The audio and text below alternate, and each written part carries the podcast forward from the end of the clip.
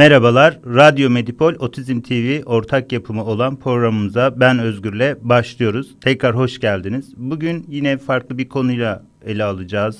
Otizmde özellikle görülme sıklığının artmasıyla ilgili e, Otizm Salgını kitabından biraz alıntılarla e, bugün konuşmamı yapmayı sürdürmeyi çalışacağım. Biraz da bir karışık gelebilir ama en azından toparlayıp Bizim biliyorsunuz Otizm TV'de e, bir kitap okuma grubumuz var ve her cuma saat 22'de devam ediyor bu. Dolayısıyla buradan birinci bölümle ilgili öğrendiklerimi, aklımda kalanları sizinle paylaşıp kısa bir özetini geçmek istiyorum. Bazı başlıklar belirledim ve bu başlıkları sırasıyla üzerinden geçmeyi düşünüyorum. Bu kitabın birinci bölümündeki, birinci ve ikinci bölümündeki pardon bazı yerleri size özetlemeye çalışacağım. Önemli olduğunu düşündüğüm için buradan paylaşmayı e, düşünüyorum. Çünkü kitabın bölüm bölüm okudukça buradan gelip kısa bir özetini üzerinden geçmeyi düşünüyorum. Bu sayede en azından bir toparlayıcı olmuş olur. 6 haftalık devam eden süreci de hepsini dinlememiş olursunuz. Bir bölümde bunlar nelerden bahsettik, nelerin üzerinden geçtik, neleri tartıştık. Bunu bir şekilde takip etmiş olursunuz. Şimdi sırayla başlayalım. Biliyorsunuz otizmin görülme sıklığının son dönemlerde arttığını biliyoruz. Özellikle televizyonlarda, sosyal medyada bu farkındalık gününden sonra 2 Nisan Uluslararası Otizm Farkındalık Günü'nden sonra bununla ilgili her yıl düzenli veriler yayınlanır ve bu verilere göre de otizmin görülme sıklığının arttığı söylenir. Şimdi bu ne derece doğru, ne derece yanlış, ne derece bir ne diyelim bunun adına doğru ya da yanlış açısından değerlendirmeyelim de bunun özellikle toplum tarafından yoğun bir şekilde ele alınmasının nedeni nedir? Biraz bunları anlamaya çalışalım.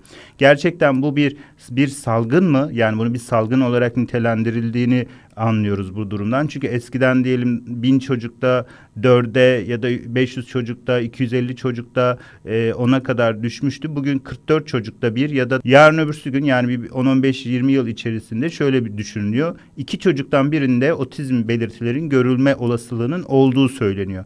Şimdi bu oldukça önemli bir veri.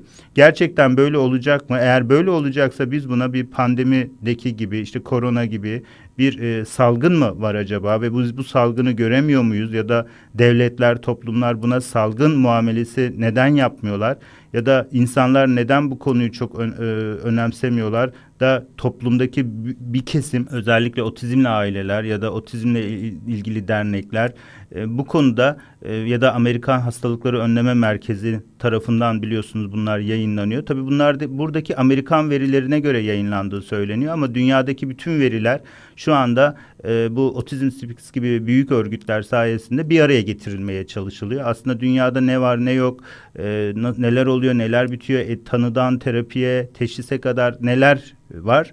E, bu örgütler bir araya getirip anlamaya çalışıyorlar ve bu çocuklara, bu bireylere faydalı olmanın ya da yardım etmenin, destek olmanın yollarını araştırıyorlar. Peki bunu bir salgın gibi anlamaya çalışmalarının nedeni ne olabilir? Otizm salgını kitabı da bu konuya oldukça ilginç, değişik referanslar vererek açıklamaya çalışıyor. Tabii kitabın yazarları sosyolog olduğu için biraz sosyolojinin gözüyle yaklaşıyorlar ki bence de çok önemli bir iş yapıyorlar. Çünkü e, biz işin uzmanı, e, işin içinde olan insanlar olarak dışarıdan bir gözün bu konuya nasıl baktığını bilmeye, anlamaya ihtiyacımız var. Bu sayede yaşadığımız durumun e, büyük resmini görebiliriz. Bu kitapta bence bu büyük resmi anlamamıza yani bu görülme sıklığının arkasında ne var? e, ve bu görülme sıklığını a, doğru düzgün anlayıp biz kendi gündelik hayatımızı işte terapist olarak ben terapi sürecimi e, aileler kendi süreçlerini nasıl yapılandırabilirler? Bu bilgileri nasıl kullanabilirler? Aslında bunun tartışmaya açan bir kitap. Dolayısıyla ben önemli buluyorum. Peki başlıklar şunlar aslında. Biraz başlıkların üzerinden geçmek istiyorum. Tanı ikamesi nedir? Akıl hastalığı, geri zekalılıkla otizm ilişkisi nedir? İşte erken müdahale programlarının gelişmesi, uzmanların e, çoğalması, e, psikiyatrların elinden e, yavaş yavaş diğer multidisipliner bir alana kayan e, değişik farklı uzmanların çıkması, derneklerin özellikle sivil toplum derneklerinin çoğalması ve politik bir konu olarak otizm. Bunlarla ilgili kısa bazı açıklamalarda bulunmak istiyorum. Şimdi sırayla üzerinden geçelim. Biliyorsunuz görülme sıklığı artan otizmle bugün baktığımızda şunları görüyoruz birçok insan çocuklarında göz teması var mı? Ne bileyim işte sosyal e, alanda gelişimsel e, sıkıntılar yaşıyorlar mı? Stereotipik hareketleri var mı? Ya da çocukla ilgili zorlandığı zaman hastaneye gidiyorlar ve bugün hastanelere gittiklerinde e, neredeyse e, çocukların büyük bir çoğunluğuna eğer göz teması kurma, kurmama gibi bir durum varsa otizm tanısı konuluyor. Peki e, biraz tarihine bakarsak bu durumu biraz daha anlamış oluruz. Şimdi e, biliyorsunuz ki 1940'lı yıllardan itibaren otizm spektrum bozukluğu olarak tanılanmaya yani otizm e, diğer akıl hastalığı içerisinden yani çocukluk şizofrenisinden, çocukluk psikozundan ayrılarak e, otizm e, literatürüne artık girmeye başlıyor. Otizm olarak girmeye başlıyor. Tabii onun öncesinde de bazı otizm kelimesinin kavramının kullanıldığı e, çeşitli makaleler var ama otizm e, Leo Kanner'ın 11 e, hasta danış e, çocuk üzerinde yaptığı çalışmalarla e, tanılanmaya başlıyor ve o, ondan itibaren artık çocukluk şizofrenisinden ayrılan bir durum olarak görülüyor. Ama henüz daha niye böyle olduğuna dair çok geniş e, ya da çocukluk şizofrenisinden ya da çocukluk psikozundan ya da e, zihinsel yetersizliği olan durumdan neden farklı bu bu konu çok açıklanmış değil. Şimdi bu tanılama başladığı andan itibaren e, o dönemi şöyle bir kitap anlatıyor. Diyor ki şöyle bir düşünün karşınızda klinikler var. Yani sizin çocuğunuzda bu tarz belirtiler olduğunda mecburen hastanelere gidiyorsunuz ya da kliniklere gidiyorsunuz. Kliniklerde de o dönem psikiyatrlar var. Bu konuyla uğraş uğraşan tek uzmanlık alanı e, akıl hastalıkları uzmanları. Dolayısıyla siz gittiğinizde çocuk çocuğunuza e, eğitim ve terapi ve destek günümüzdeki gibi olmadığını düşünün. Yani biz bugün gidebiliyoruz. Evet eğitim merkezleri var, tanı, tanılayan birçok uzman var, psikiyatrlar var, klinikler var, rehabilitasyon merkezleri var. Yani bugünkü e, durumun çok daha az bir kısmının olduğunu düşünün.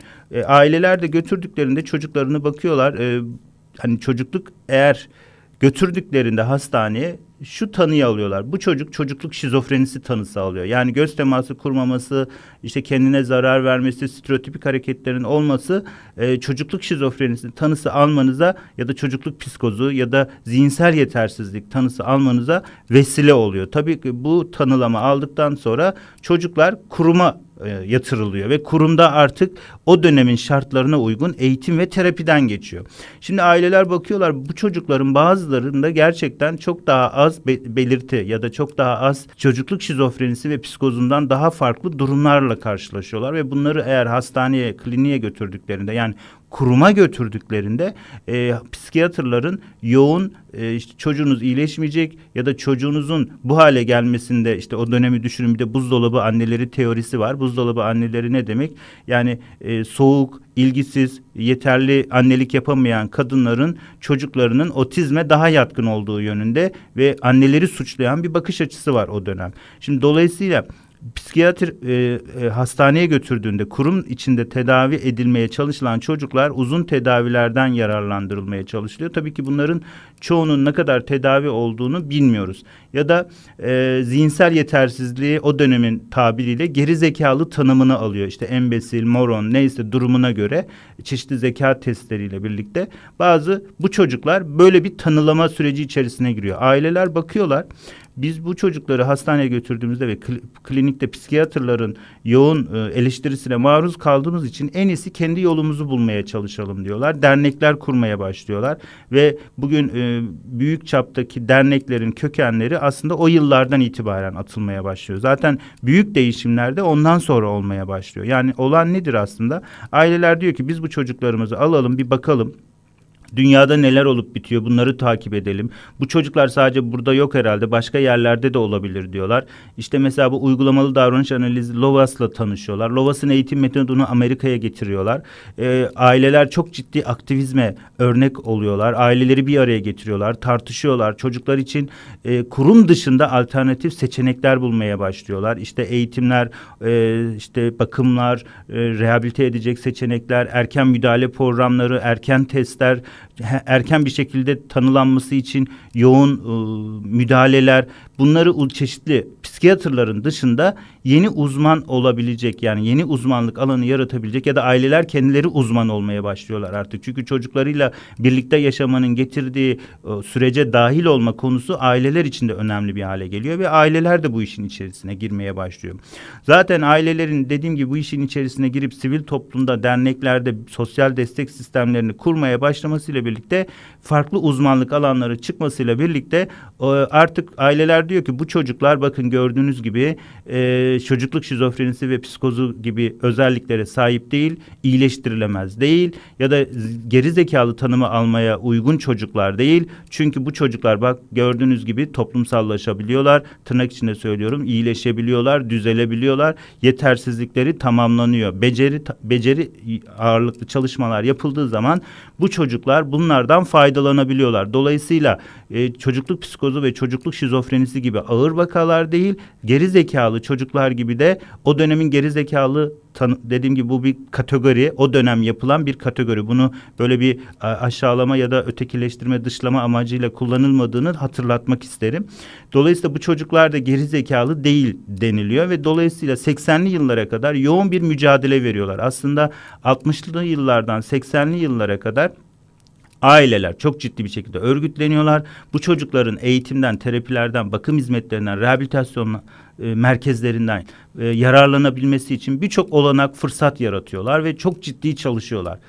İşte uygulamalı davranış analizinin e, o dönemki işte yanlışsız öğretim yöntemleri ya da ona benzer yöntemlerde etkileşim temelli yöntemler, ilişki temelli yöntemler de yavaş yavaş çıkıyor.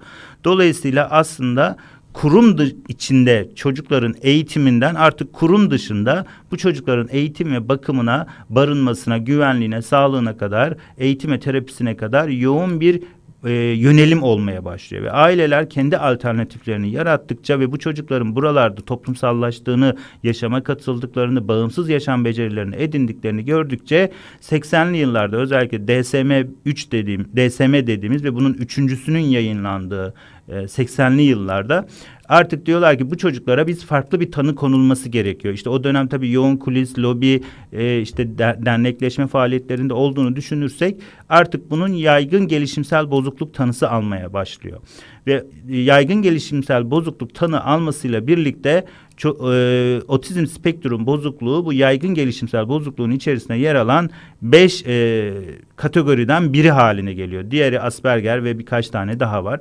Dolayısıyla 80'li yıllardan i- 2000'li yıllara kadar yaygın gelişimsel bozukluk kategorisi adı altında otizm spektrum bozukluğu e, anlaşılmaya çalışıyor. Bu ne hale getiriyor aslında? Bu artık şunu demek istiyor. Bizim çocuklarımız çocukluk şizofrenisi veya psikozu gibi ağır bir vaka değil. Zihinsel yetersizliği olan çocuklar gibi ge- geri zekalı olarak tanımlanmaması gerekiyor. E, dolayısıyla bu çocuklar artık yeni bir kategori şeklinde yani yaygın gelişimsel bozukluk var ya da otizm var denilmeye başlanıyor. Yani otizm artık e, sıklıkla kullanılan bir şey haline geliyor. Bugün mesela bunu burayı neden böyle olduğunu anlayabilmek için bugün de mesela e, karşılaştırmayı şöyle yapabiliriz. Bugün de aileler mesela hastaneye gittiğinde çocuğu göz teması kurmadığında umarım otizm değildir. Otizm demesinler. Neden diyorlar? Çünkü otizm artık bir dışlama, ötekileştirme, bir e, toplumdan toplum dışına itilmenin bir adı haline geldi. Yani e, bilinmeyen e, çok sorunlu ya da sıkıntılı bir hastalık e, ya da e, çaresizlik ya da ailelerin yaşadığı çok kötü bir durum olarak anlaşıldığı için bugün de aileler eğer çocukları göz teması kurmuyorsa ne bileyim stereotipik hareketler varsa yalnız başına kalıyorlarsa doktora gittiklerinde otizm tanısı almak istemiyorlar. O dönemde işte aileler hastaneye gittiğinde yani 80 öncesinde de hastaneye gittiğinde umarım çocukluk şizofrenisi değildir. Umarım işte e, geri zekalı değildir diyerek bu tanıma sığın bu tanımın arkasında sı, e, bu tanım bir şekilde onların kurtarıcısı haline geliyor. Yani öyle düşünebilirsiniz aslında. Bu ailelerin yaşadığı dışlanmanın kendince buldukları yollar aslında güvenli bir yol. Çünkü e, çocukların durumu onları bunu iki şekilde düşünün. Çocukların durumu gerçekten çocukluk şizofrenisi ve zihinsel yetersizliği olan çocuklar gibi değil. Artı farklı özellikleri var. Artı bir de dışlanmışsınız. Dolayısıyla böyle bir tanımın yapılması o dönem için kurtarıcı. Bugün de mesela aileler hastaneye gittiğinde işte çocuğuna işte umarım uyaran eksikliği var derler ya da sanal otizm mi acaba ya da bu tanıların yumuşatıldığını görüyoruz aslında. O dönemde aslında tanı ikamesi dediğimiz bir durum bu aslında. Tanının genişlemesi dediğimiz bir durum aslında tanıdan e, kaçınmak için insanlar bunu yumuşatmaya çalışıyorlar aslında. O dönemde otizm yani yaygın gelişimsel bozukluk tanısı konularak aslında tanılar yumuşatılıyor ve bu şekilde daha farklı bir durumun adı haline getiriliyor. E, bu da çok e, yani günümüzde karşılaştırmasını böyle yapabilirsiniz. Bu kötü bir durum olarak ele almamak gerekiyor. Bunu ailelerin ya da toplumun e, kendi yaşadıklarını e, bir anlam bulma, kendi e, sorunlarını çözebilmenin bir uğraşısı ya da durumu daha sağlıklı ele almanın bir yolu olarak e, ele almak gerekiyor. Yoksa kafanız karışabilir. Aileler bunu uydurdular, bu yüzden bu hale getirdiler gibi bir bakış açısı da çıkabilir. Bunu kastetmiyorum. Benim kastettiğim şu bir şekilde bu çocukların durumunun farklı olduğu ortada ve bu çocukları kurum içerisinde yani psikiyatrların insafına bırakıldığı zaman e, böyle bir tanı alınıyordu ve böyle bir tanının aracılığıyla çocukları doğru düzgün bir eğitim ve terapi sürecinden faydalanılamıyordu.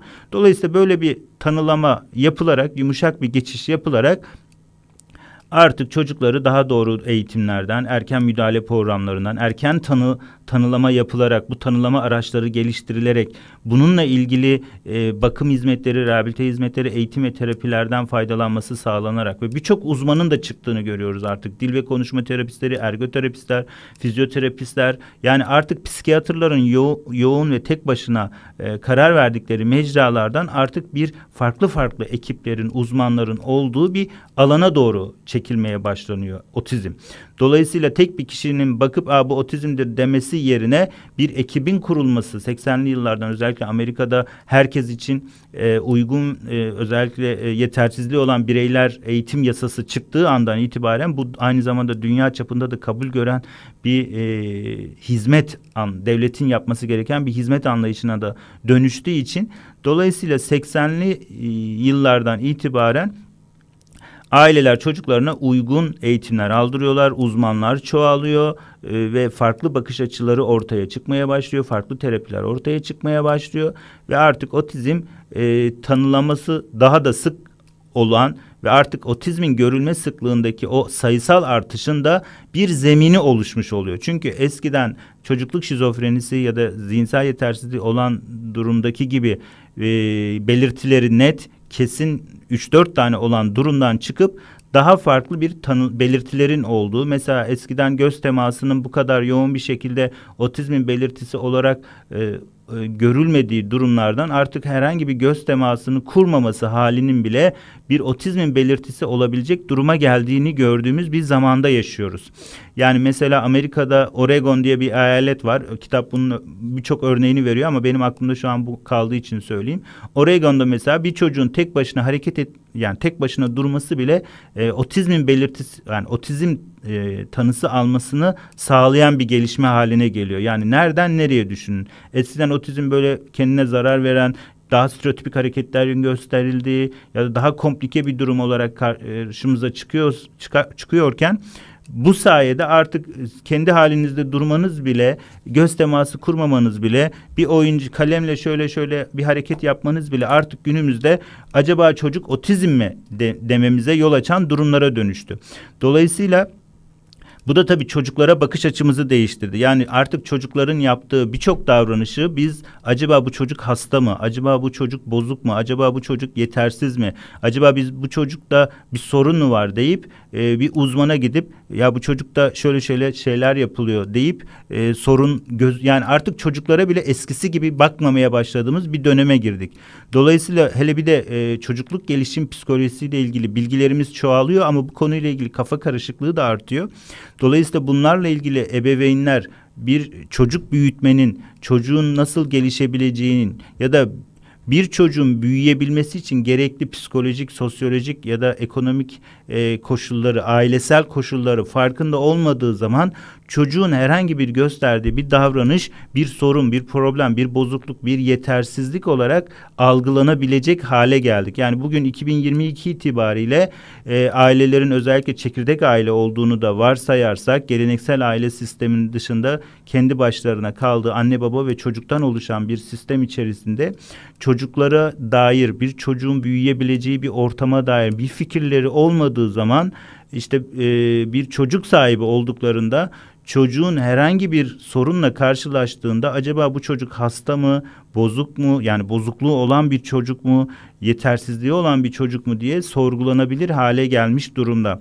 Bu da aslında şunu gösteriyor bize. Kitap bunu bence çok güzel veriyor. Diyor ki e, artık e, her şey birbirine karışmış durumda her ele sığan bir otizmden bahsediyoruz. Ele avuca sığan bir otizmden. Buraya koyduğumuz zaman otizm başka tanımlıyorum. Buraya koyduğum zaman otizmi başka tanımlıyorum artık. Yani her aile, her durum, her şekilde ele alınmaya başladı ve özellikle nedenlerinin bu kadar karma karışık olması işte genetik midir, kalıtımsal mıdır, çevresel etkenler var mıdır? İşte e, ailelerin işte zengin ailelerin çocuklarının daha yatkın olduğu yani böyle ırk, ırklara göre bazı ırklarda otizm daha çok görülüyor gibi ya da e, işte televizyonların, tabletleri çok yoğun maruz kalmanın e, ya da annenin e, stresinin e, yani bir sürü bir sürü nedenler söyleniyor ve bu konuyla ilgili uzmanların da her uzmanın da kendi uzmanlık alanına göre farklı farklı yaklaşımlarda bulunması bu konuyla ilgili günümüzde ailelerin kafasını inanılmaz derecede karıştırıyor. Dolayısıyla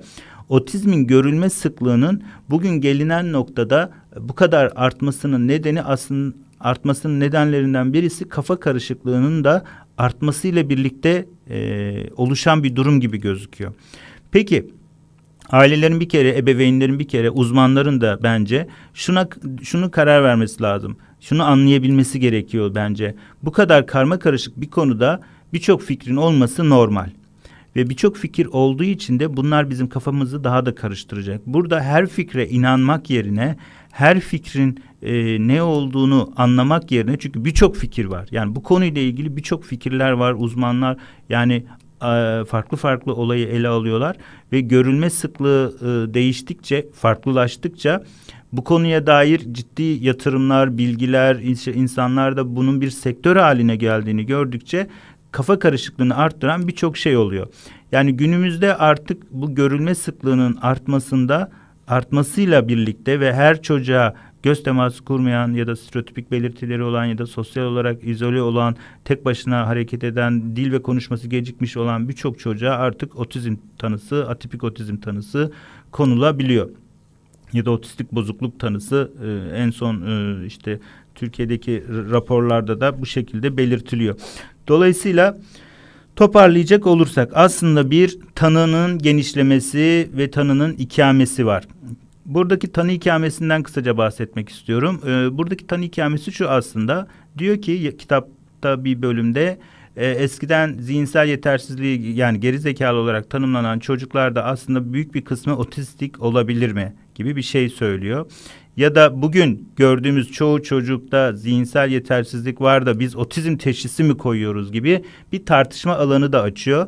Bununla ilgili tabii ciddi veriler var. Bunlara bakmak gerekiyor. Bu bir tabii soru işareti olarak durması gerekiyor. Bence burada e, işte zihinsel yetersizliği olup olmaması ya da otizm tanısı alıp almaması çok önemli değil. Önemli olan o çocuğun gerçekten neye ihtiyacı olduğunun anlaşılması.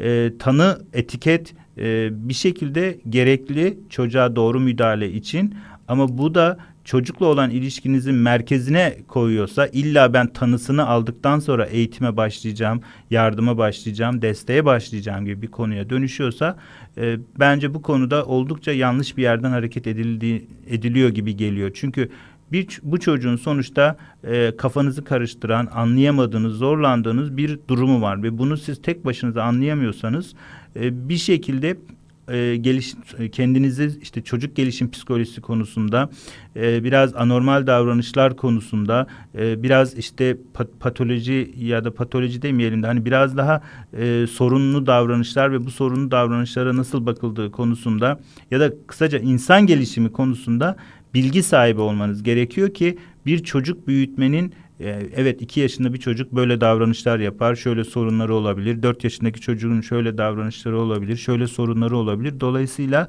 onlara uygun e, ya, anlamış olursunuz, yönlendirmiş olursunuz. Bir durumla karşılaştığınızda ha, bu normal 3 yaşındaki bir çocuk evet inatçı olabilir.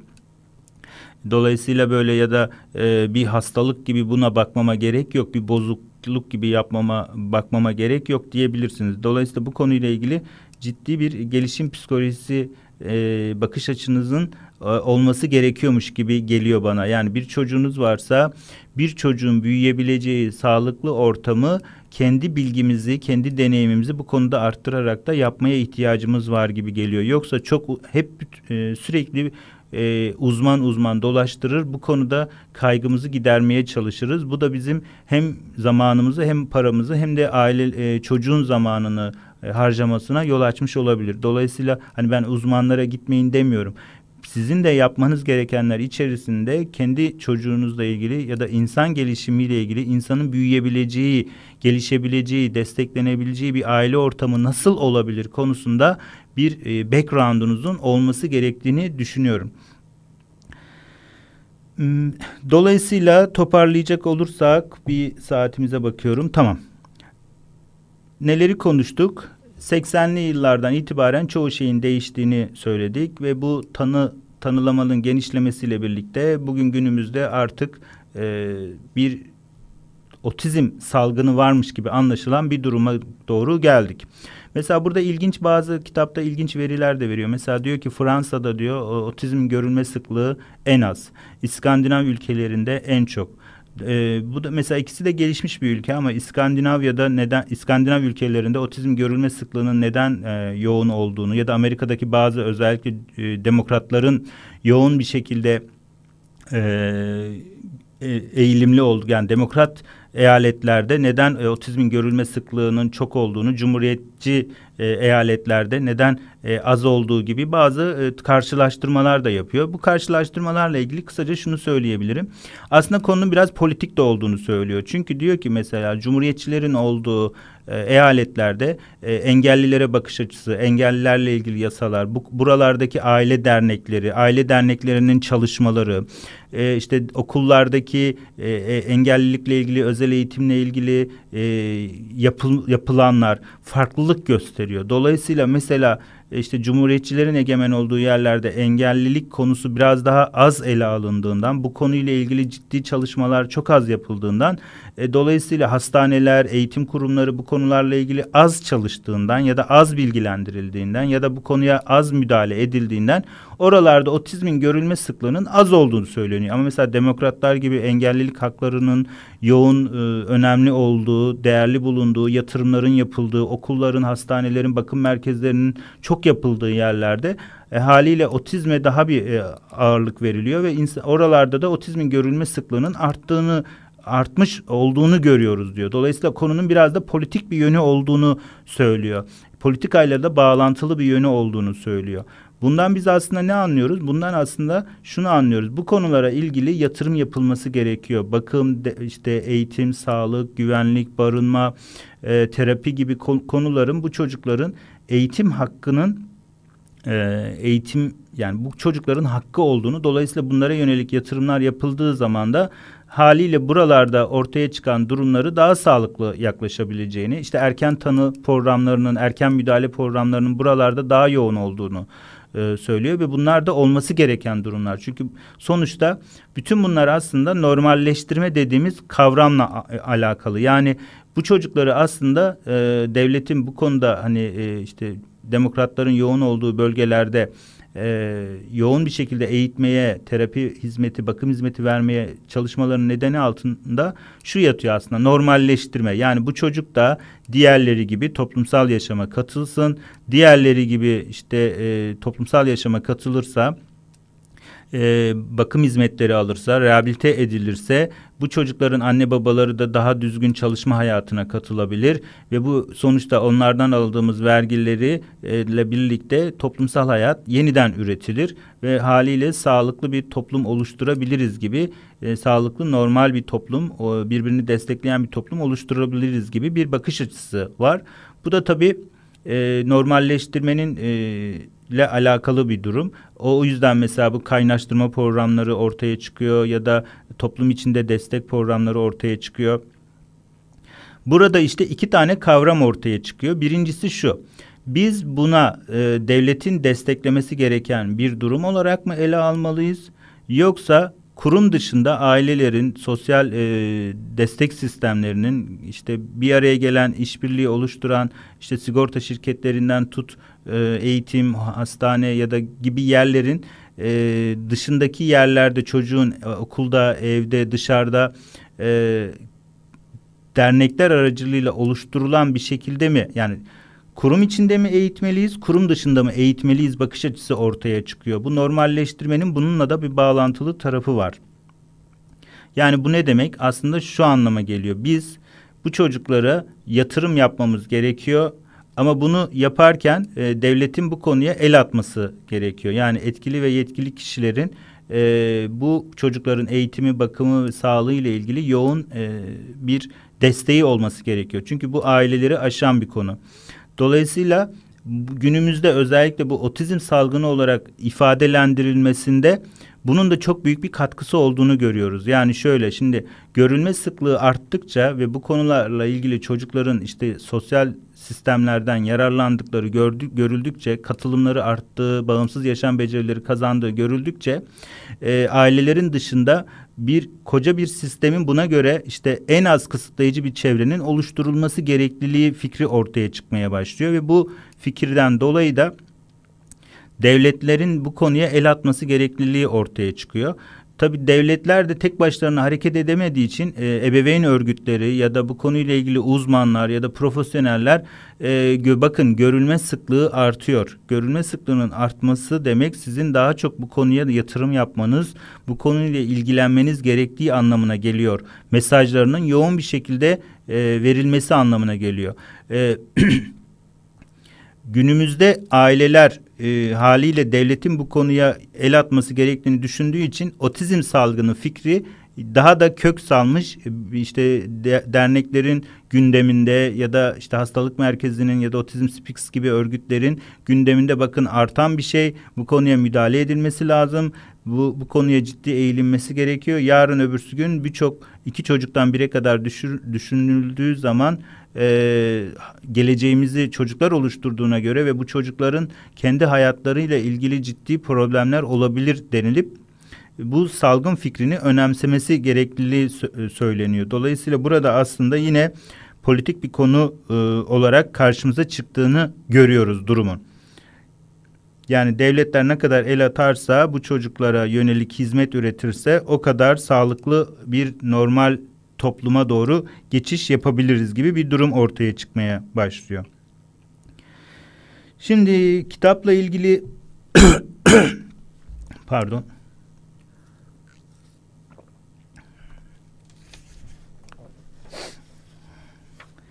Yani toparlayacak olursak aslında günümüzde otizm salgını bir toplumsal inşa olarak karşımıza çıkıyor. Aslında tanıların yumuşatılması e, ve bu konuyla ilgili yapılması gerekenler arttığı için insanlar ve her konuda bu çocuklara yardımcı olmanın, işte göz temasını arttırmanın bir tekniği, bir modeli, işte stereotipikleri azaltmanın bir yolu, bir yöntemi, bir terapi modeli. Yani bu çocuklara yönelik birbirinden farklı neredeyse birçok terapi modeli, eğitim modeli, e, yaklaşımlar e, ve alanında farklı farklı uzmanlar olduğu için işte ergoterapistler bir fikir söylüyor, özel eğitimciler bir fikir, psikologlar, terapistler başka bir yerden.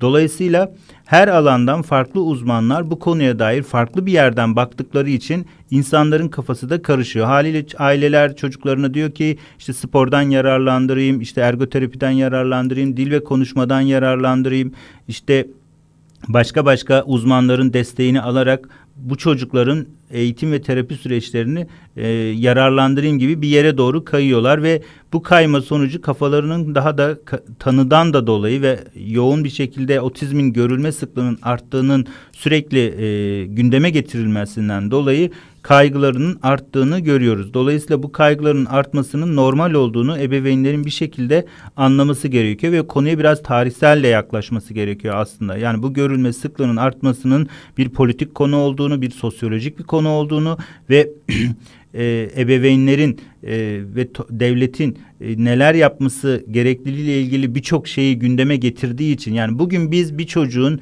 hangi ortamda büyüyebileceğini, hangi ortamda sağlıklı bir bireye dönüşebileceğini ya da toplumsal yaşamda bağımsız bir yaşam becerileri kazanabileceği konusunda oldukça güçlü bilgilere sahibiz. En az kısıtlayıcı bir çevre nedir bunu en az biliyoruz. Çocuğun en üstün yararı ilkesi ne demektir?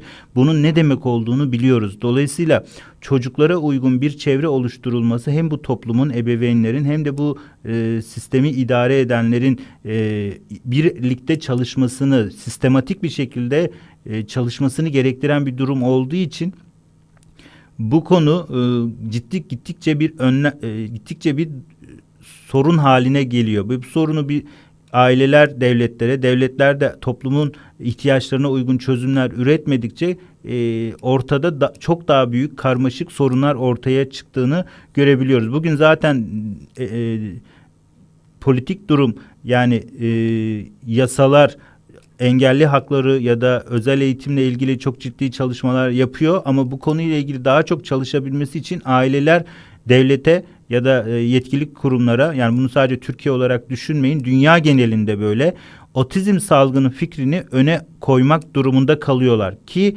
devletler ya da etkili ve etkili kişiler bunu ciddiye alsın ve buna yönelik yatırımlarını arttırsın. Buna yönelik toplum, e, toplumda yapılması gerekenlerin e, ne yapılması gerekiyorsa yapılsın. Bunun için otizm salgını fikri bir toplumsal inşa olarak e, derneklerin, e, işte sosyal kurumların, ebeveyn örgütlerinin e, ciddi bir e, çalışma alanına dönüşmüş durumda. Konunun bir de böyle bir sosyolojik boyutu olduğunu söylemek istiyorum. Yani bu doğrudur ya da bu eksiktir, bu nasıl bir bakış açısıdır demenin anlamı yok. Bunu böyle algılamanın bir yolun, e, buna böyle bakmamız da gerektiğini düşünüyorum.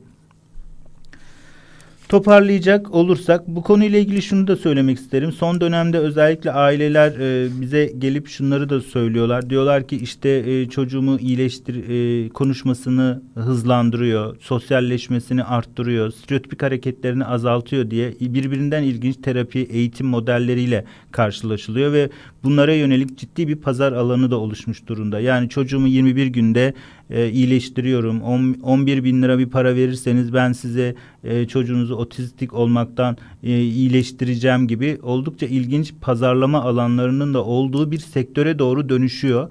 E, ve bize de soruyorlar acaba ben bu çocuğumu buradan faydalandırsam ki yan etkisi de yokmuş işte e, ne olur otizmi iyileşir mi ya da otizm bu konuyla ilgili e, işte iddia ediyorlar e, yararlanan aileler de var ve bu yararlanan aileler de çok ciddi bir şekilde bundan faydalanmışlar. Dolayısıyla ben de çocuğumu götüreyim, e, bundan faydalandırayım gibi bir e, kaygı verici e, bir durum içerisinde böyle bir seçeneğe maruz kalıyorlar.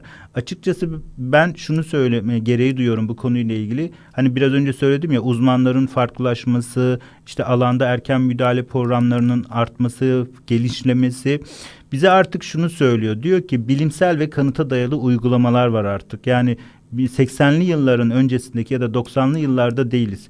Elimizde yine Amerikan Hastalıklar Merkezi ya da ona benzer kurumlar ya da Otizm Speaks gibi büyük dünya çapındaki çalışan otizmle ilgili örgütler, dernekler şunu söylüyor. Diyor ki bu konuyla ilgili tamam bir sürü terapi modeli var ama bilimsel ve kanıta dayalı uygulamalar var. Biz bu bilimsel ve kanıta dayalı uygulamalarla ilgili araştırmalar yapıyoruz. Dolayısıyla bunlara bakın, bunları takip edin. Bunlarla ilgili çocuklarınızı bu konularla ilgili yararlandırın. Dolayısıyla günümüzde de yeni terapi modelleri çıkıyordur. Bunlar da dene, denenecektir. Tabii ki paranız varsa götürürsünüz, denersiniz ama bu çocuğunuzun denek olmadığını e, bir şekilde anlamanız gerekiyor ya da sizin paranızın boşa harcanacak bir e, para olmadığını algılamaya ihtiyacınız var. Kaybedilen zaman sizin. büyük resmi kaçırmış oluyorsunuz. Gündelik çıkarlar uğruna evet ha onlar götürüyor o zaman ben de bir götüreyim. Onlar yararlanmış o zaman benim çocuğum da yararlansın e, deyip kendi e, kaygınızı azaltmaya yönelik çalışmalar yapıyorsunuz. Bu anlaşılır. Bir ebeveyn olarak elimdeki bütün her şeyi bu çocuğumun iyileşmesi, düzelmesi e, adına yap, yaptığımı söyleyebilirim. Ama buradaki kaygı benim kaygım. Ben çocuğumun normalleşmesini mi istiyorum ya da ben çocuğumun e, diğerleri gibi olmasını mı bekliyorum? Ben çocuğumun niye bu durumunu doğru düzgün algılayamıyorum. Buna bir hastalık, bozukluk, yetersizlik ya da bir sorun gözüyle bakıyorum. Burada tamam zorlanıldığı kesin e, ve e, bununla baş etmekte de e, sıkıntı yaşadığımız kesin. Bu hepimiz için böyle. Yaşamak zaten bir problem çözmektir. Dolayısıyla aileler de böyle bir problem problemle karşılaştığı zaman güçleri yetmediğini algılamaları gerekiyor. Burada o yüzden sık sık gündeme getirdiğim konuyu tekrar gündeme getirmek istiyorum. Sosyal destek sistemlerinin mutlaka e, üzerinde durulması gerekiyor. Kendi sosyal destek sistemlerimizi kurup ama bu sosyal destek sistemleri içinde birbirimize ilaç önerip, birbirimize tedavi modeli önerip, birbirimize e, şunu yapalım bunu yapalım şeklinde değil. Daha doğru olanı, daha iyi olanı, çocuklarımız için daha gerekli olanı ve benim de hayata katılımımı arttırmam gerekeni yapmaya teşvik edecek bir sosyal destek sistemlerinin kurulması gerekiyor. Beni yalnızlaştıracak, benim e, hasetimi arttıracak, benim öfkemi arttıracak e, birliktelikler bana ve çocuğuma zarar verir. Dolayısıyla bizim biraz bunları anlamaya ihtiyacımız var diyorum. Dolayısıyla bilimsel ve kanıta dayalı uygulamalar dışında bu tarz yöntemlere e, itibar edilmemesi gerektiğini çok düşünüyorum. Çünkü gerçekten 11 günde ya da 11 milyar vererek 20 işte 3 ay bir yerde kalarak işte şu ilacı içerek şu e, esans e, doğal e, ilaçtan yararlanarak çocuğunuzu iyileştireceğini söyleyen bir şeyler varsa bir kere şunu düşünmeniz gerekiyor. Koca koca örgütler bir sürü dünya çapında çalışan dernekler sizce e, kendi çıkarlarını düşünüp bu hastalığın e, eğer hastalık gözüyle bakıyorlarsa bozukluk ya da yetersizlik gözüyle bakıyorlarsa bunları iyileştirecek bir şeyi görmezler mi? Duymazlar mı? Farkına varmazlar mı? Sadece biz biz, biz mi bir görüyoruz e, bunu iyileştirdiğini? Onlar farkında değiller mi diyeceğiz? büyük çapta organizasyonlardan bahsediyoruz. Onlar ve burada çalışan yani büyük hepsi de genel olarak aileler. Ha diyeceksiniz ki oradaki çalışan ailelerde çıkarcılar kendi paralarını düşünüyorlar. işte kendi çıkarlarına göre hareket ediyorlar. Burada da işte akıl devreye giriyor ve araştırmak, soruşturmak, doğru olanı aramak, e, ebeveyn olarak diğer ailelerle bir araya gelip bu işin doğrusunu, yanlışını bakmak, e, işte denemiş aileler varsa bu ailelerin gerçekten takip etmek, e, sonuçlarını e, ciddi ciddi yayınlamak, makalelere dönüştürmek bunlar da uzmanların görevi. Dolayısıyla çok ciddi toplumsal bir e, birliktelik, toplumsal toplum olarak hareket etme durumunun oluşması gerektiğini söylemek istiyorum. Bu e, son dönemde yoğun bir şekilde gelen sorular olduğu için e, bu, bunda bu tanılama ya da e, salgın mı değil mi konusuyla ilişkili bir yerden ele alıp açıklamaya çalıştım. Benim söyleyeceklerim şimdilik bu kadar. E, her cuma saat 22'de e, Otizm Salgını kitabını okumaya sürdüreceğiz. Bu kitap oldukça e, ilginç bir kitap ve bakış e, bakış açımızı genişletip farklı bir yerden ele almamızı sağladığı için de önemli bir kitap diye düşünüyorum. Günümüzü anlamak için gerekli olan birçok materyali e, tartışmaya açıyor ve bence katılmak isterseniz fikrinizi beyan etmek isterseniz de e, Cuma günleri sizi e, Zoom üzerinden e, veya da Twitter'dan e, sohbet odasında bekliyoruz. Kitabımız bu. Bunu da bu arada göstereyim. Ben Özgür, Radyo Medipol ve Otizm TV ortak yapımı olan bu programı burada bitiriyorum. Dinlediğiniz için hepinize teşekkür ediyorum. Kolaylıklar, iyi haftalar diliyorum.